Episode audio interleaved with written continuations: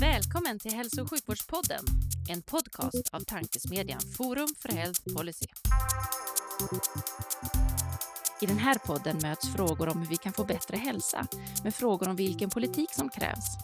Det kommer bli samtal om personcentrering, ledarskap, digitalisering, organisation, politik och mycket mer.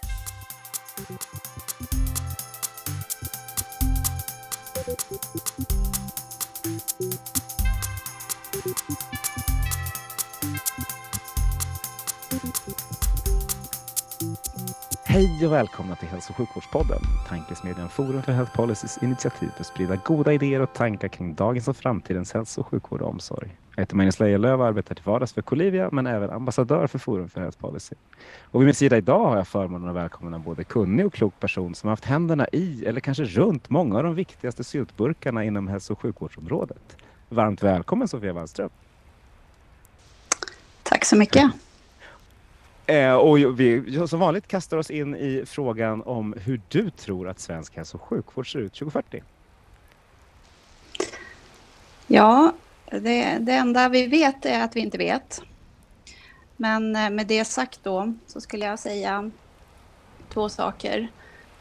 Det första är att 2040 så kommer forskning och innovation att ha givit oss lösningar som de flesta av oss idag inte kan föreställa oss. Ehm, det är 17 år fram till 2040 och ehm, om jag tittar tillbaka 17 år, då är vi på 2006.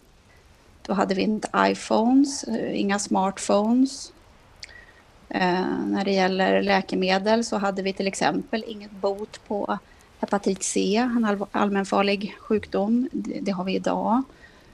Det är bara några exempel, men om vi tänker oss att de kommande 17 åren ger oss lika stora framsteg så eh, kommer vi ju 2040 att ha både tekniska lösningar och life science-resultat eh, som är lika omdanande som iPhones och smartphones och eh, eh hepatit C-behandlingen. Och det är klart att det kommer ju revolutionera både sjukdomsbehandlingar men också skulle jag säga hur vårdsystemets eh, funktionssätt eh, är i framtiden. Precis, och det, och det enda vi kan veta är att det går ju ännu snabbare. Så vad som hände för 17 år sedan, det kommer exponentiellt förmodligen att gå snabbare. Precis. Eh, men systemen, andra... då, då, jag tar med den punkten och systemen fram vidare. Så tar vi nummer två där, så ska inte jag bryta dig. Precis. Ja, men då skulle jag säga att eh, 2040 så har vi gått från ord till handling vad gäller det som vi länge pratat om, det vill säga omställningen till en god och nära vård. Fokus på primärvården. Eh, vi har då en primärvård som är tillgängligt och kvalitativt förstahandsval för eh, alla som har vårdbehov som bäst löses där. Vi har en eh, medicinsk vård på äldreboenden som är av hög klass. Ehm, vi har flöden in till och ut från sjukhusen som fungerar. Och vi har sjukhus där normalläget inte är uppemot och över 100 procent utan det finns marginaler, det finns eh, beredskap för kris och krig. Eh, och det här är ju saker som IVO har pekat ut i, i flera av våra stora nationella tillsyner. Och då skulle jag också säga att det är bara 17 år till 2040. Ska vi vara där om 17 år, då måste saker hända redan i år, om ett år, om två år. Mm. Var tror du kommer att sluta då? För, för, jag håller med, vi är på väg mot en nära vård. Om den är god eller inte, vi hoppas ju att den blir så god som möjligt. Men, men då, och då sprider vi ut oss långt, tänker man. Stannar det vid vårdcentraler eller kommer vi liksom ta oss, kommer vi ha omfamnat apotek och Friskis Svettis och ICA 2040? Vad tror du?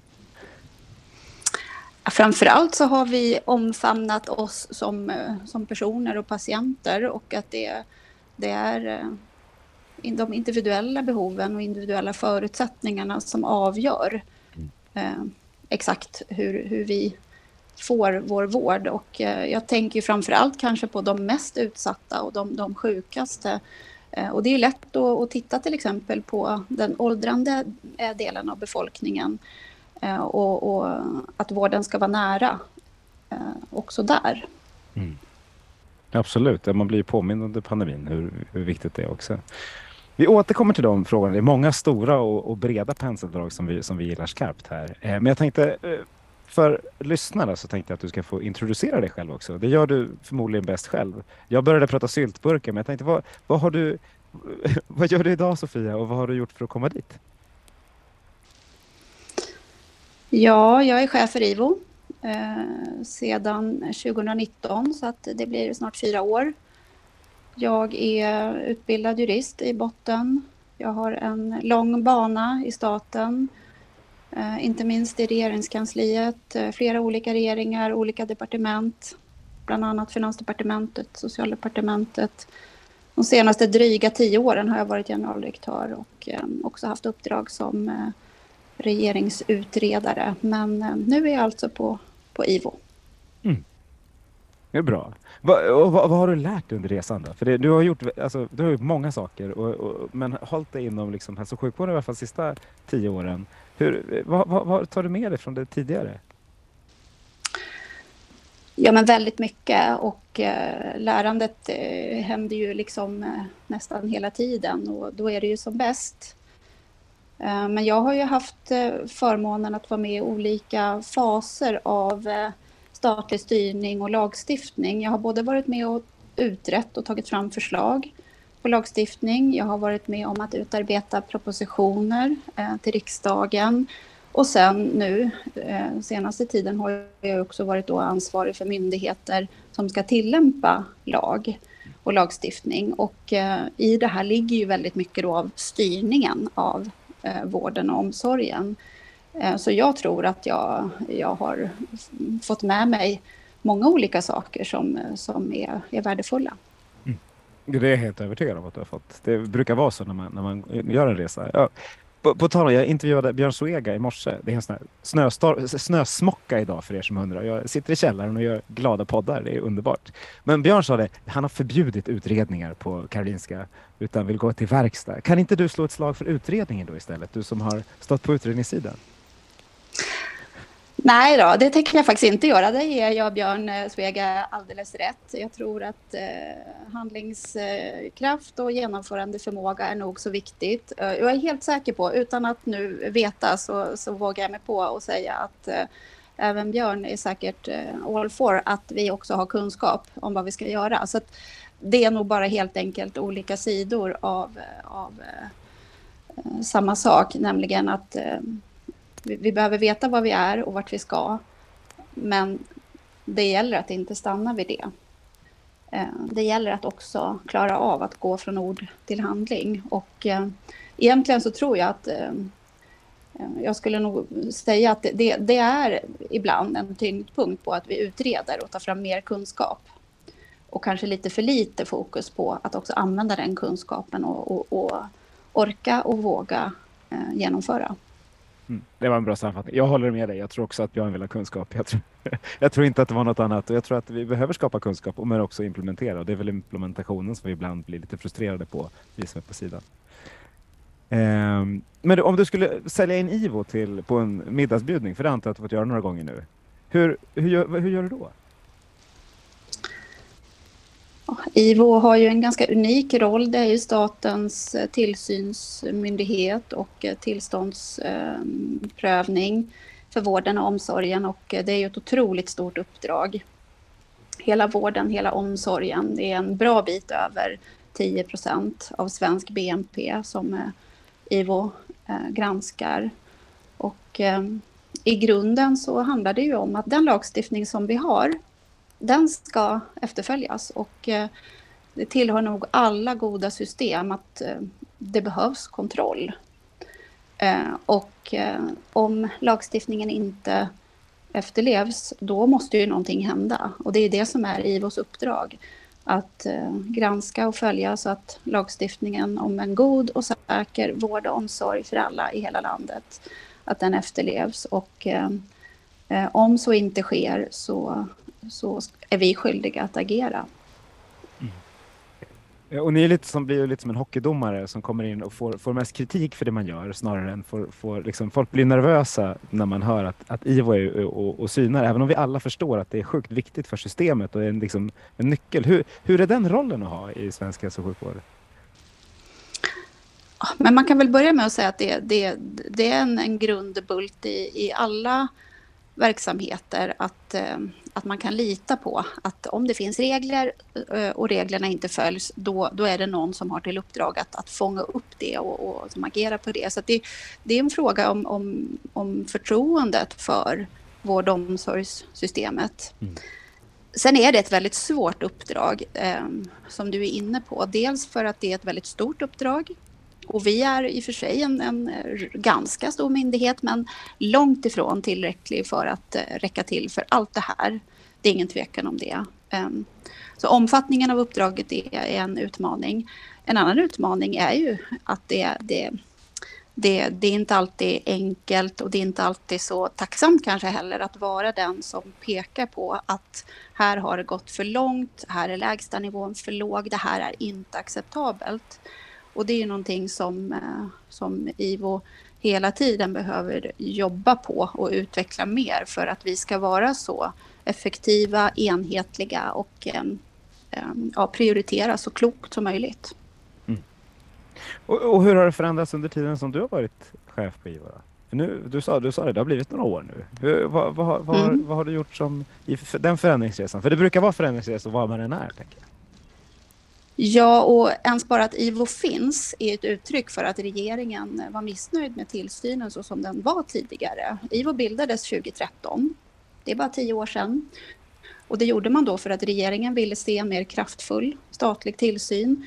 Och man pekade just på det här att om någonting händer eh, på, på, ett, på ett allvarligt sätt så att, att medborgarna inte kan lita på att de här lagar och regler som finns, att de faktiskt inte följs Eh, då, då ville man se en, en, en mer kraftfull eh, agerande från, från statens sida.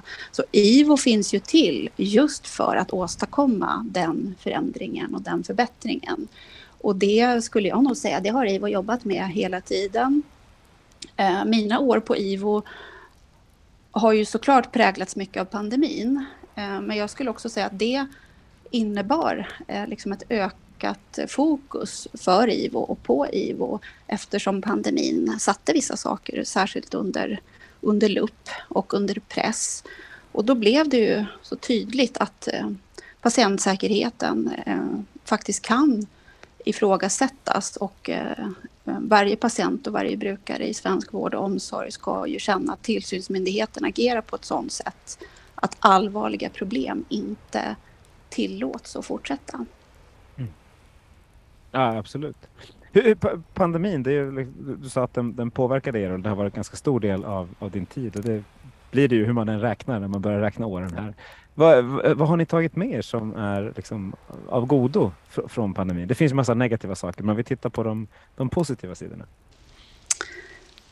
Ja, om vi tar ett, ett eh, perspektiv utifrån hur IVO eh, jobbade under pandemin och jobbar nu så är vi ju idag mer enhetliga över landet än vad jag tror någonsin har varit tidigare. Eh, vi har också kommit längre när det gäller användningen av digital, digitala verktyg, åstadkommit bättre datakvalitet i våra egna informationsmängder än tidigare.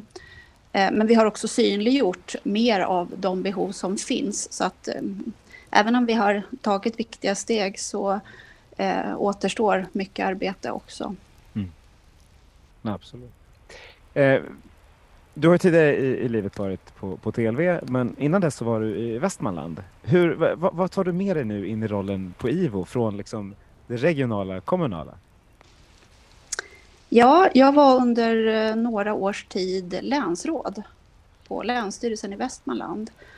Eh, och eh, otroligt glad och tacksam över möjligheten som jag fick då att jobba regionalt. I en statlig myndighet visserligen, men med ett regionalt uppdrag. Eh, och därifrån tog jag med mig väldigt mycket av, av erfarenheter och perspektiv. Också hur det är att eh, jobba med till exempel samverkan inom Eh, Eh, flera olika regionala och kommunala aktörer, eh, men också behovet av att eh, vissa saker måste liksom göras mer samlat och kanske bara på ett ställe i landet eller några få ställen i landet. Så att, det är ju insikter som kan komma till pass på, på flera områden. Jag kan tro det. Om vi, om vi då, tar, då hoppar vi till myndigheten direkt. Då. Vad, TLV, det var en rätt lång period då, då du, var, du, du var ganska Eh, hetluften på många sätt och vis. För det hände väldigt mycket på, på läkemedelsområdet under den tiden. Ungefär som det är nu på IVO för den delen.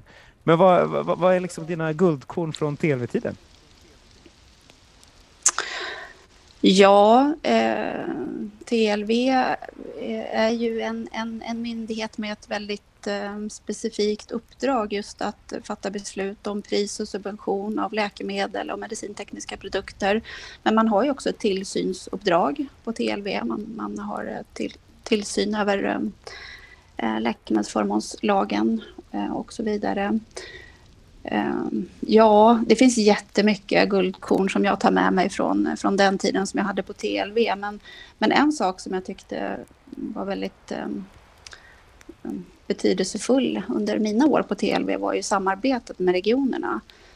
Och eh, jag eh, brukar lyfta fram just hur regionerna faktiskt gick samman och går samman när det handlar om att eh, titta på introduktion av nya Eh, kostsamma läkemedel för att få till det på ett bra sätt över hela landet. Och, eh, det var väldigt kul att få vara med om det utvecklingsarbetet. Mm. Ni som har lyssnat på podden vet ju att jag är både apotekare och läkemedelsnörd så jag, blir, jag ska försöka att inte snöa in på det här området utan, utan ta mig vidare till IVO där vi, där vi är nu. Men det är alltid lite kul att fråga. Ehm, eh, när, när man tänker på, på, på, på IVO som myndighet då, så, så tänker man på eh, vilken av grejerna ska vi tänka på? Vi tänker på, på, på lite vad ni tittar runt om i världen. Eh, för, för, jag har frågat, nu har 95 avsnitt av den här podden och, och, frågat vilka länder man tittar på. Men jag har inte tänkt på, på tillsynshatten någon gång. Så jag tänkte, vilka, vilka är era förebilder ute i världen?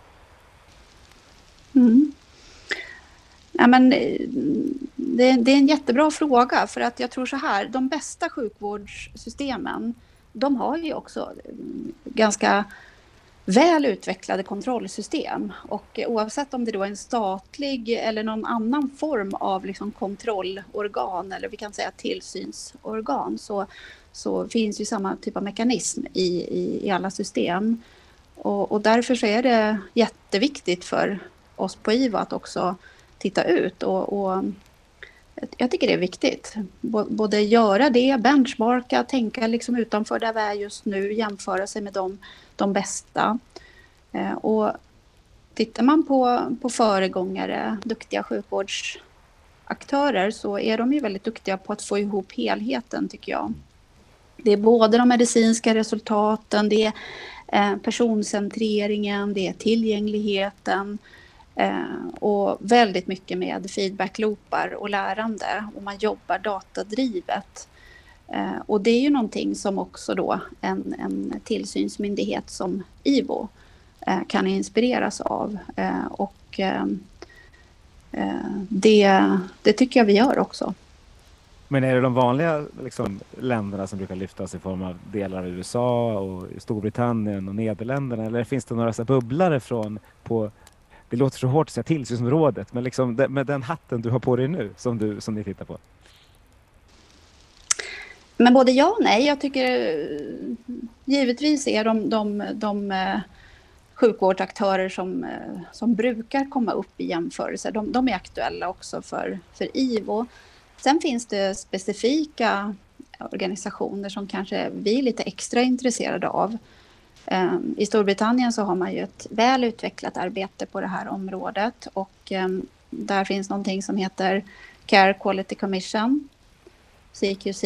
De utövar tillsyn över kvalitet och säkerhet i, i vård och omsorg i Storbritannien. Och ehm, det räcker att bara gå till deras hemsida så tycker jag att man får en bild av hur de jobbar med det här och de, de beskriver det som att så här, vi övervakar, vi inspekterar, eh, vi reglerar de här områdena och vi publicerar vad vi upptäcker. Och det gör ju att deras webbsida blir ju en, en viktig kunskapskälla för att få information om tillsynens iakttagelser.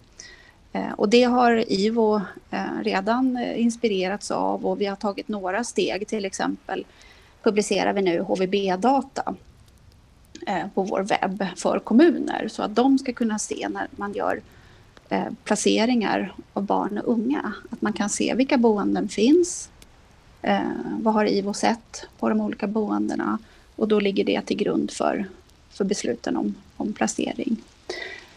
Ehm, det finns fler exempel. Jag kan nämna vår finska motsvarighet som heter Valvira.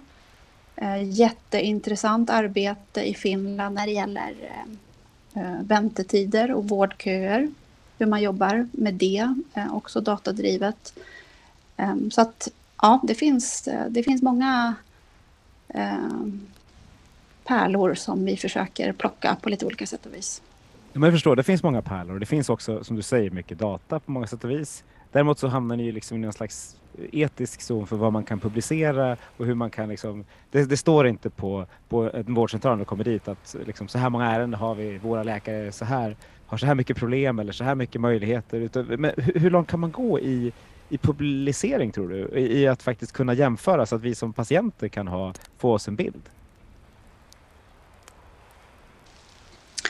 Ja, men det är en stor fråga som du säger och den är både motiverad av, av eh, legala förutsättningar, av etiska förutsättningar.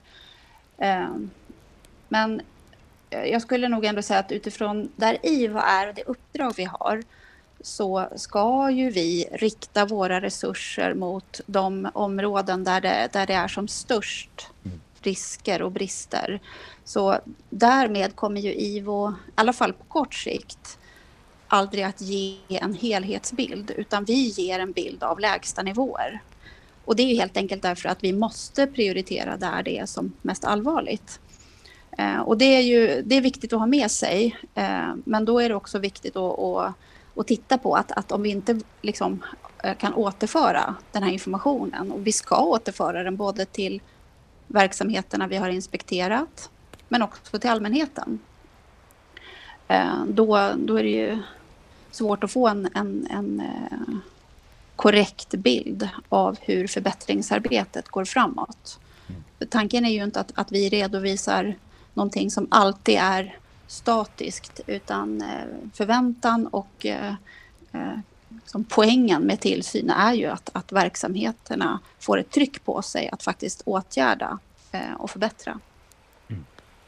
Om du inte hade haft några personella eller budgetramar, jag vet att det är lite utopiskt för det har man oftast. Vad, vad hade du gjort som, som ni inte gör? Vad hade, du velat liksom, vad hade ni velat ta till som ni inte gör idag? Va, hur galet det än må vara. Ja, så här är det ju att, att uh, inspektioner på fältet om man säger så, det, det är, där är vi ju uh, för få för att räcka till. Uh, och Eh, det finns, alltså eh, varje, varje barn som placeras i samhällets vård på ett HVB, på ett SIS-hem, motsvarande, eh, och där vi faktiskt vet att barnet far illa. Det är ett fall för mycket varje gång det händer. Det är precis samma sak på ett äldreboende, en, en, en person som inte får den övervakning och den vård och behandling som, eh, som en, en läkare har förskrivit. Eh, patienter på akutsjukhus som, eh, som inte får eh, vare sig omsorg eller omvårdnad eller, eller medicinsk vård och behandling. Ehm, ett fall är ett fall för mycket. Så i den meningen kan jag säga att det finns att göra. Så hade vi inte haft några resursmässiga begränsningar så hade vi ehm, behövt vara ute på fältet långt mer än vad vi är idag. Ehm, det är ju det är av det skälet som vi eh, har ett utvecklingsarbete så att vi kan prioritera så klokt det bara går och åstadkomma så mycket effekt som möjligt just för att eh, vi vet att eh, tyvärr så är det så att eh, eh verksamheterna, eh, det fungerar inte eh, i tillräckligt stor utsträckning.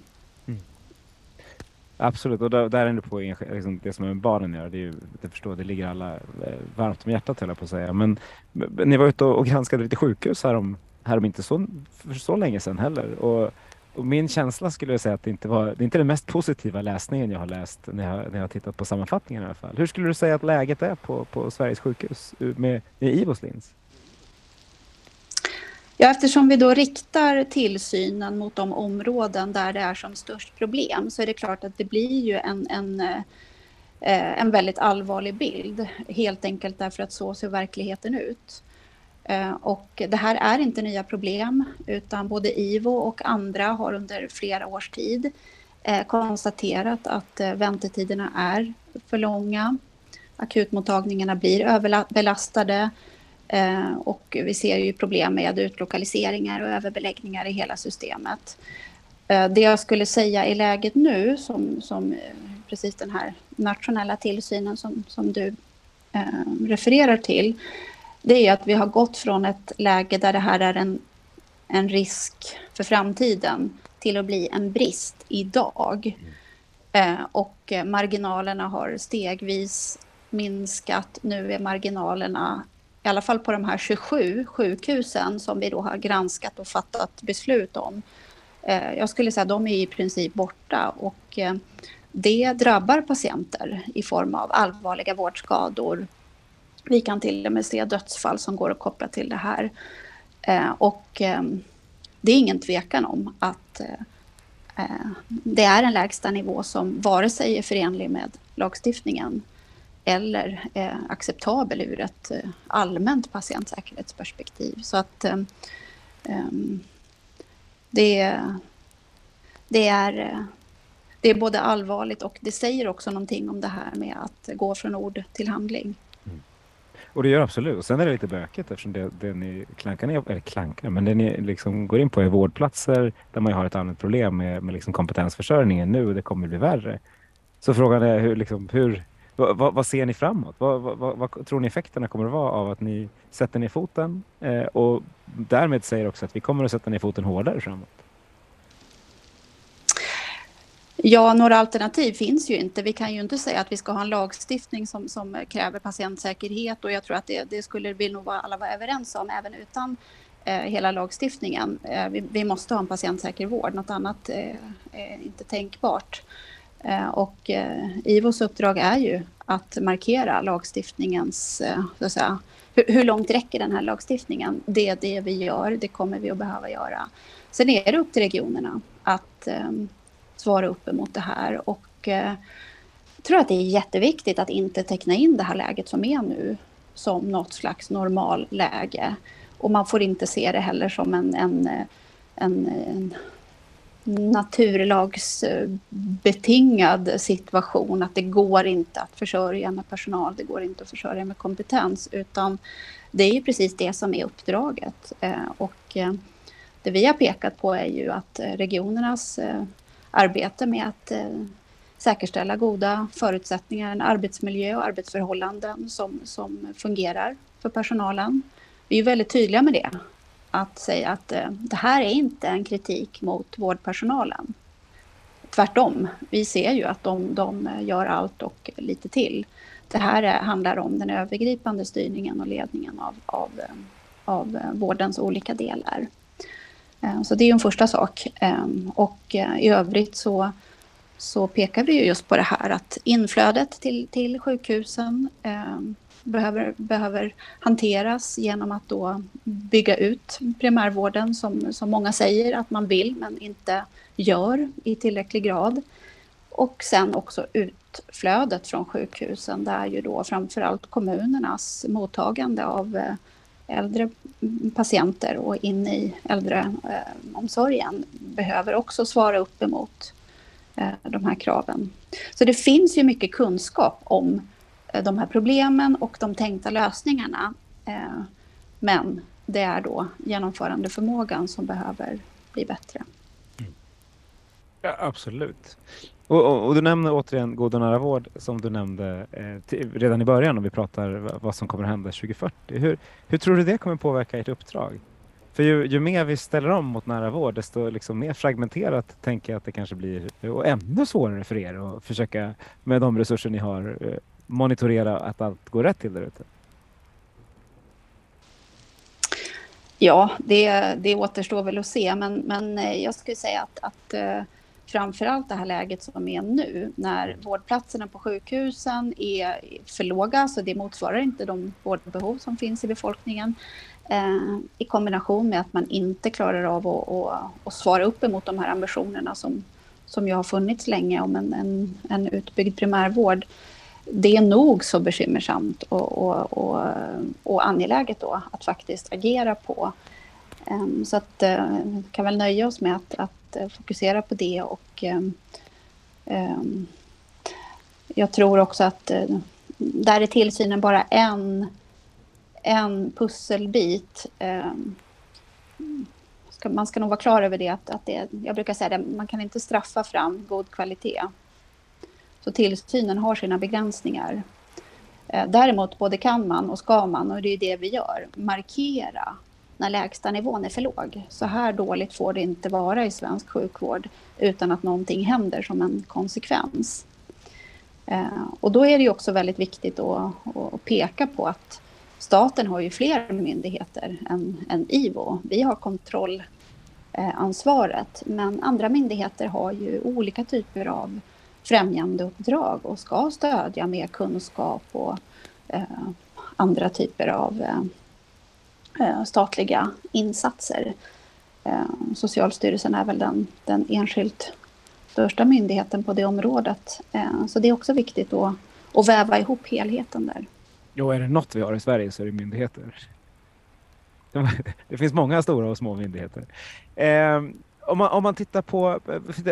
Ett sätt att hämma innovation är ju att eh, bara använda piskor, precis som du sa nyss. Eh, fast med andra ord. Eh, om, du, om vi ska titta utanför, liksom ett sätt att främja innovationer, faktiskt kanske komma framåt på ett sånt här område, är att titta utanför den sektor man befinner sig i. Antingen utanför Sverige som vi tittade nyss eller utanför hälso och sjukvårdssektorn. Va, va, vad tittar du? Nu frågar jag dig personligt. Liksom. Va, vilka områden skulle du vilja se att man kunde plocka in goda idéer från till hälso och sjukvården? Ja, men det är ju en eh, jätte, jätteviktig funktion det här att faktiskt eh, stanna upp och, och blicka ut. Och, och jag hör till dem som, som anser att, att vi skulle komma väldigt mycket längre i styrningen av svensk hälso och sjukvård om, om vi hade en, en ännu större förmåga att um, applicera lösningar som fungerar i andra sektorer. Naturligtvis med anpassningar utifrån vad, vad Eh, vården och omsorgen förutsätter. Men, men eh, ändå, jag tror att det, det, det är en väldigt viktig förmåga att eh, kunna ta in. Ehm, sen kan jag väl, ska jag vara lite här och nu så utifrån var IVO befinner sig och vad, vad så att säga, det, det vi ser i våra granskningar så är det liksom inte på den högre delen av kvalitetsskalan som, som vi kan ägna våra resurser åt. Tyvärr, jag önskar att det hade varit så, men Eh, vi tvingas ju med begränsade resurser och eh, utifrån faktiskt de väldigt allvarliga eh, missförhållanden som vi ser så tvingas ju vi att vara i den lägsta delen av kvalitetsskalan och snarare då eh, investera eh, resurser och, och, och myndighetsutövning i att höja lägsta nivån. Så att eh, så är det bara och, och, det är ju utifrån ett patient och brukarperspektiv kanske precis så det ska vara. Eh, men på lite sikt så, så är ju också vi som tillsynsmyndighet eh, en del i att eh, jobba mer förebyggande och, och också vara stimulera bra till bättre. Mm. Ja men visst är det så. Jag, jag tänkte på, vi pratade om fetma med någon en gammal kollega och han sa att ja, men det, är, det är ett enkelt sätt. Det är bara att ställa en imperansvåg på ICA och så får man väga sig när man kommer dit. Har man gått upp i vikt, då får man rabatt på broccoli och dyrare godis. Har man gått ner i vikt så kan man, få, så kan man anpassa det mycket bättre med, med de ekonomiska förutsättningarna. Och hade den typen av innovationer kommit in, då hade det plötsligt blivit ett helt annat scope för er att ta hand om och se vilka, vad, vad som inte funkar och funkar, fast på, långt ifrån sjukhuset, fast jättepåverkande på hur sjuka vi är. Ja, men visst. Och utan att och, och, så att säga, kommentera enskilda idéer sådär. Så, det får, ja, det får du göra. Det, var, det var en rolig idé. Det var mer en, för att provocera fram att säga, jo, men vi, vi kan ju lösa saker här och nu. Sen så tycker inte jag heller vi ska implementera den. Men, jag, men rent tankeexperimentmässigt tycker jag den är intressant. Ja, men det är spännande och jag tycker man ska absolut eh, vända och vrida på det ganska många varv för att det, det behöver vi, behöver innovation. Eh, men bara för att backa tillbaka då till vilken, eh, liksom vilken funktion som just IVO har i, i, i, de stat, i det statliga uppdraget. Eh, och ska jag vara lite allvarlig och, och, och, peka in mot där vi är just nu, då skulle jag nog faktiskt snarare säga att kompassen för vår del, den riktar sig eh, i mångt och mycket just nu också på att förhindra oseriösa aktörer. Eh, de vinner mark eh, i, i flera områden när det gäller eh, omsorgssektorn och eh, det finns indikationer som pekar på att eh, ytterligare områden inom hälso och sjukvården eh, också kan vara eh, utsatta för den typen av risker.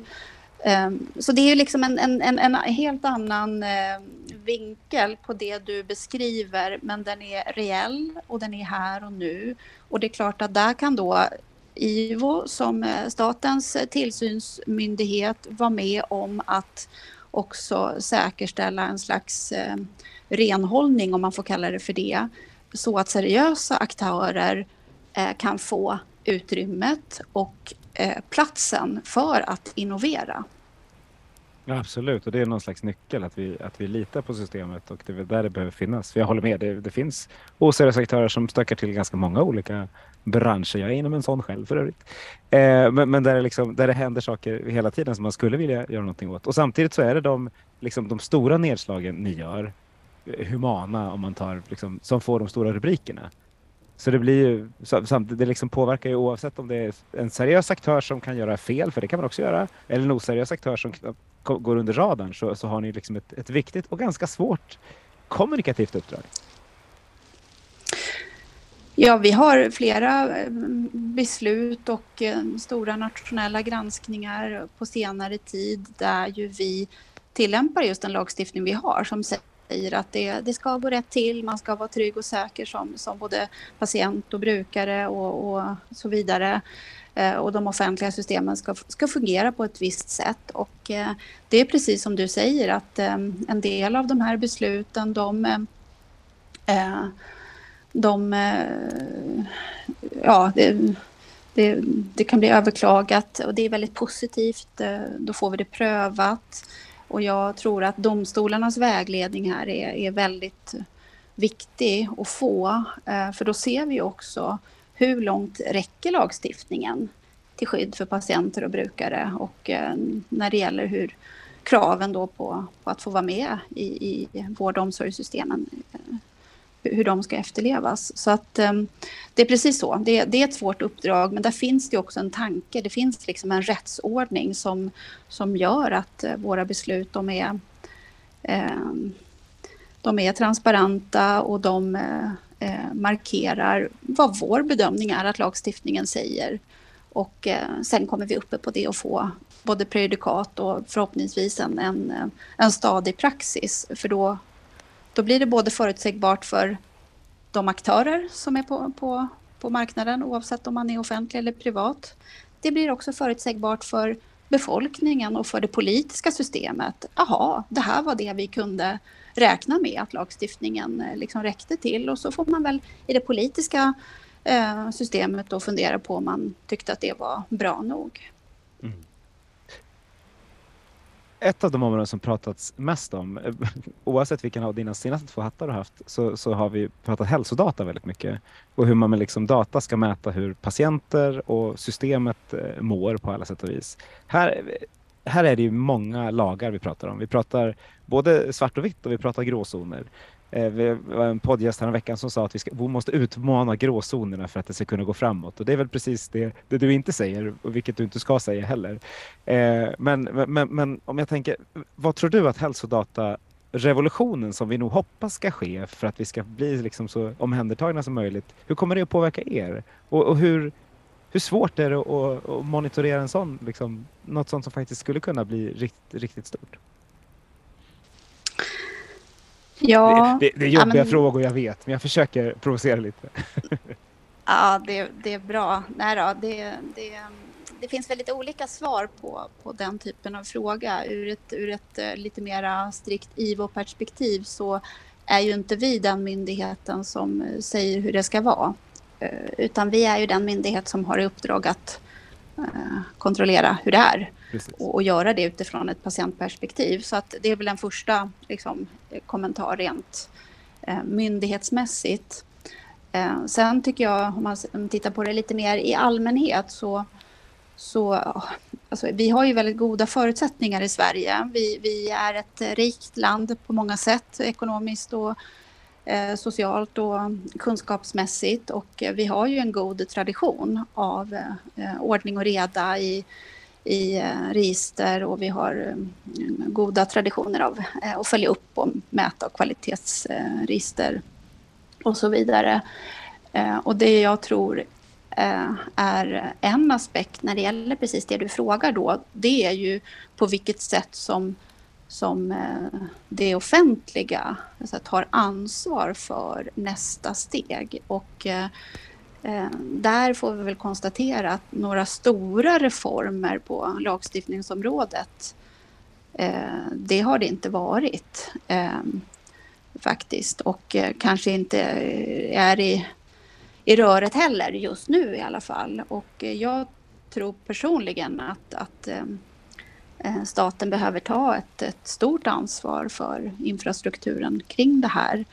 Eh, så att det är någonting som eh, det återstår väl att se. Men, men annars är det ju så att det, det, är ju det är de privata aktörerna som driver hälsodatautvecklingen just nu.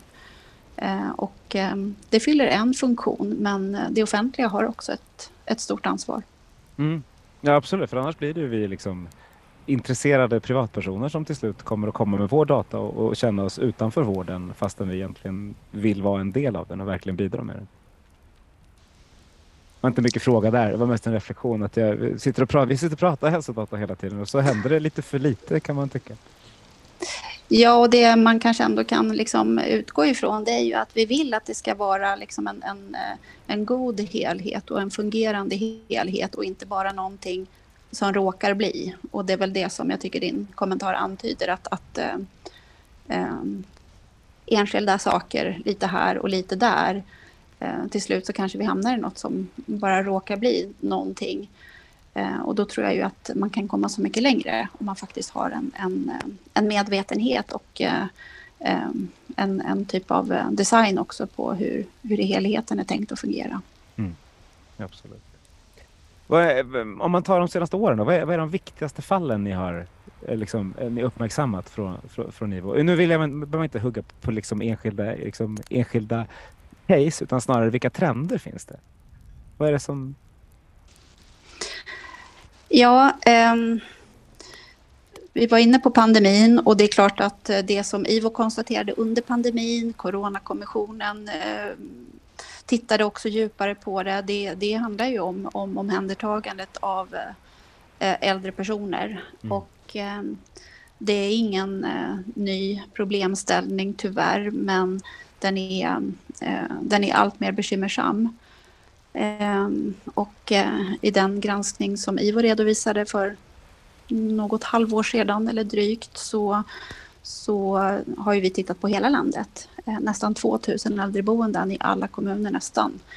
Eh, och eh, tyvärr så, så ser ju vi att det har inte blivit bättre. Det finns inte egentligen någon kommun som fullt ut lever upp till de krav som finns. Och då får man ju ställa sig frågan om det kommer eller när det kommer en ny pandemi. Kommer vi att klara äldrevården bättre då? Eh, skulle jag svara på frågan här och nu utifrån IVOs granskningar så är svaret eh, att vi inte har vidtagit de förbättringsåtgärder som är nödvändiga. Eh, och där, därför är det ju så att IVO avser ju att, att fortsätta den granskningen som pågår för att eh, göra det vi kan eh, när det gäller tillsynen av det hela. Eh, det är ju en, vad, ett vad, exempel. Om, om, vad, vad, tror du det beror på då, när du tittar på, för om man, nu har vi haft, vi haft en pandemi där liksom det var dramatiska konsekvenser av att vi inte hade, var tillräckligt bra på det området. Vi har haft strålkastarljusen på varenda äldreboende i hela Sverige under tre år och sen så har vi, har vi er granskning. Som det känns som att alla, det är många, mycket brinnande plattform för att förändras. Vad, vad är det som gör att man inte förändras tror du? Ja, det ska man ju fråga de som det berör för att ja, det få, förstår få jag. det rätta svaret. Men nu har Så jag, bara jag inte- har ju bara dig att fråga nu Sofia, så då frågar jag dig. Mm, mm. Ja, nej men det som jag kan konstatera att vi får till oss eh, från kommuner och vi har ju, mm, det finns ju granskningar som griper in över andra aktörer också såklart. Eh, jag tycker det bekräftar det jag var lite inne på tidigare, att det finns kunskap både om problemet och, och de lösningar man tänker sig. Det finns en vilja, det finns ett engagemang. Eh, Men det finns inte tillräckligt av genomförandekapacitet och då är vi ju på frågan om ledning och styrning. Det är ju ingen tvekan om det. Och en sak som verkar vara särskilt svår är samarbete eller samverkan. Eh, Och att organisatoriska gränser eh, förefaller stöka till det eh, i det här. Eh, Så det, det är i alla fall en av förklaringarna.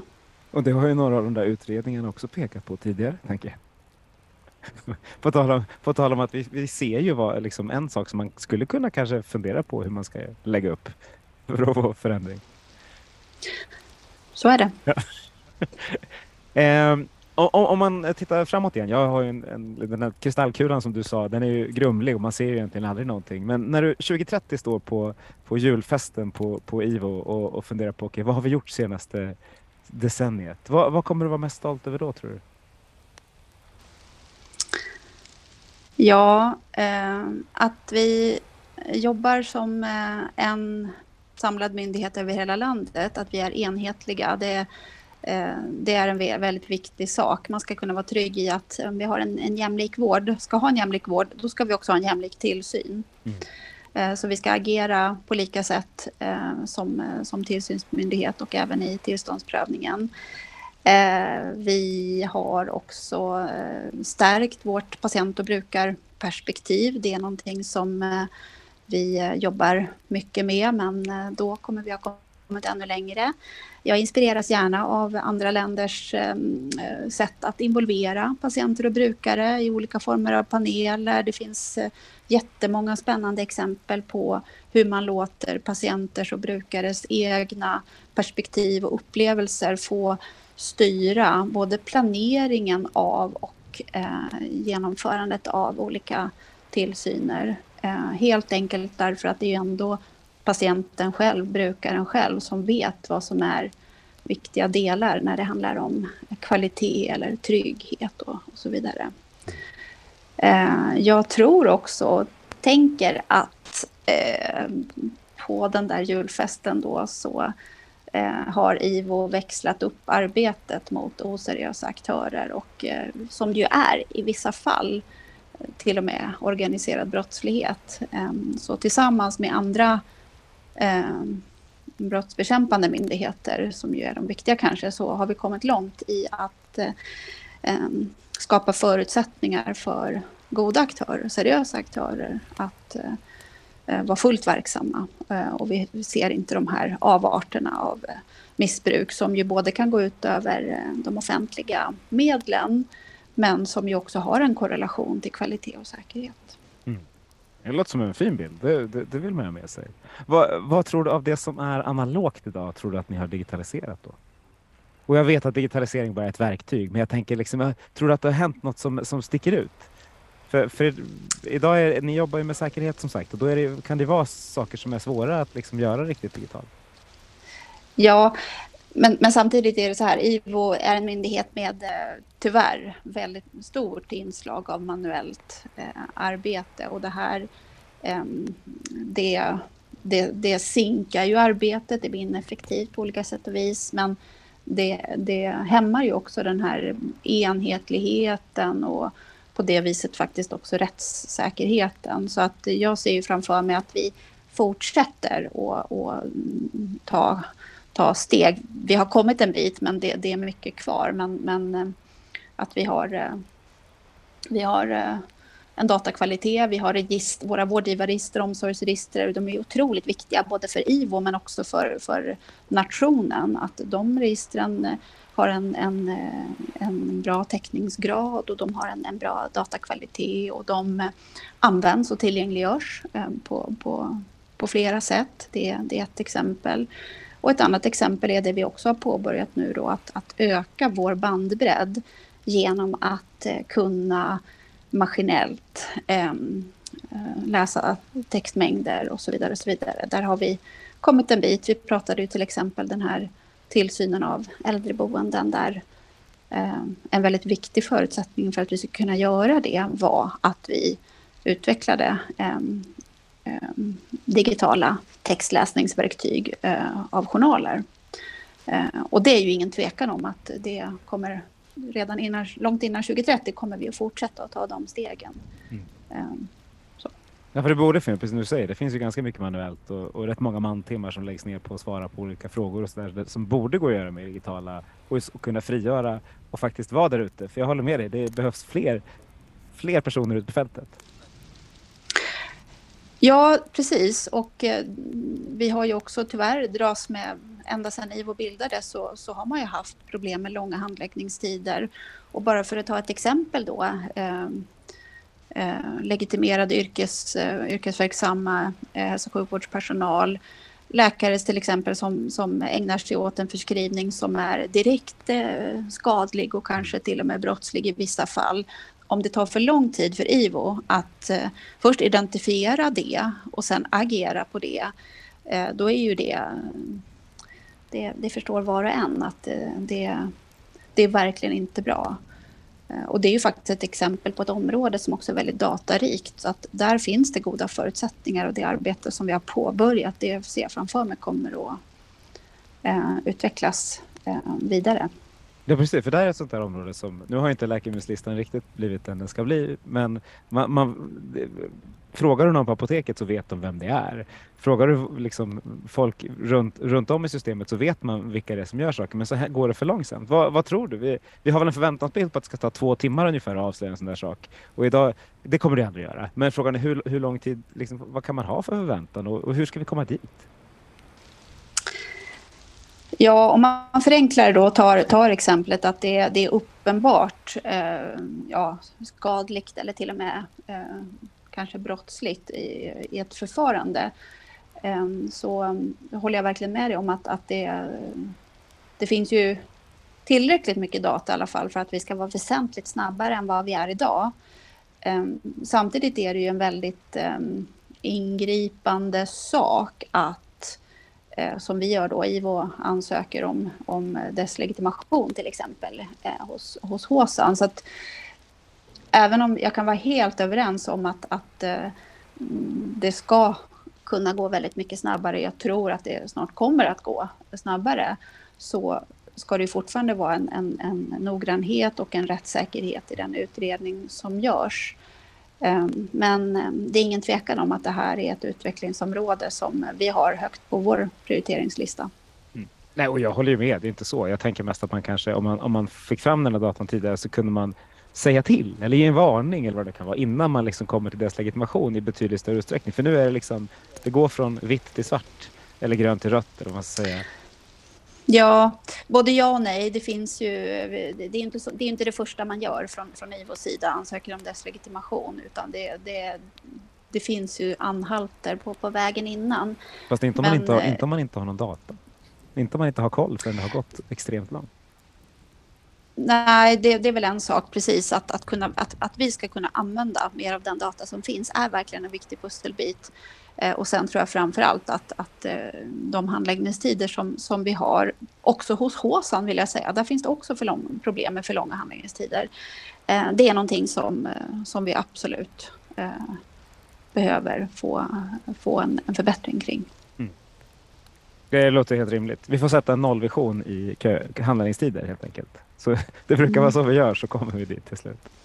Eh, nu har vi pratat i snart en timme. Jag älskar de här samtalen för det går så snabbt så, så har plötsligt klockan bara tickat iväg. Så för att inte våra, våra lyssnare ska få, få artros eh, och, och liksom få ont för att de går för länge så tänkte jag kolla med dig. Är det något du känner att vi inte har pratat om som du hade velat prata om när du kom in i det här digitala rummet som vi faktiskt sitter i? Nej, du har ju verkligen eh, lyckats lyfta många olika vinklar. Jag kan inte säga att det är någonting som eh, sitter och tänker på i alla fall direkt. Vad skönt. Då har jag i alla fall lyckats att liksom inringa området och, och vem du är och vad du gör på, på ett bra sätt. Då tackar jag varmast Sofia för att du var med i Hälso och sjukvårdspodden. Tack så jättemycket själv. Och tack alla ni som har lyssnat. Nu går vi ut och förändrar svensk hälso och sjukvård till bättre. Helt enkelt.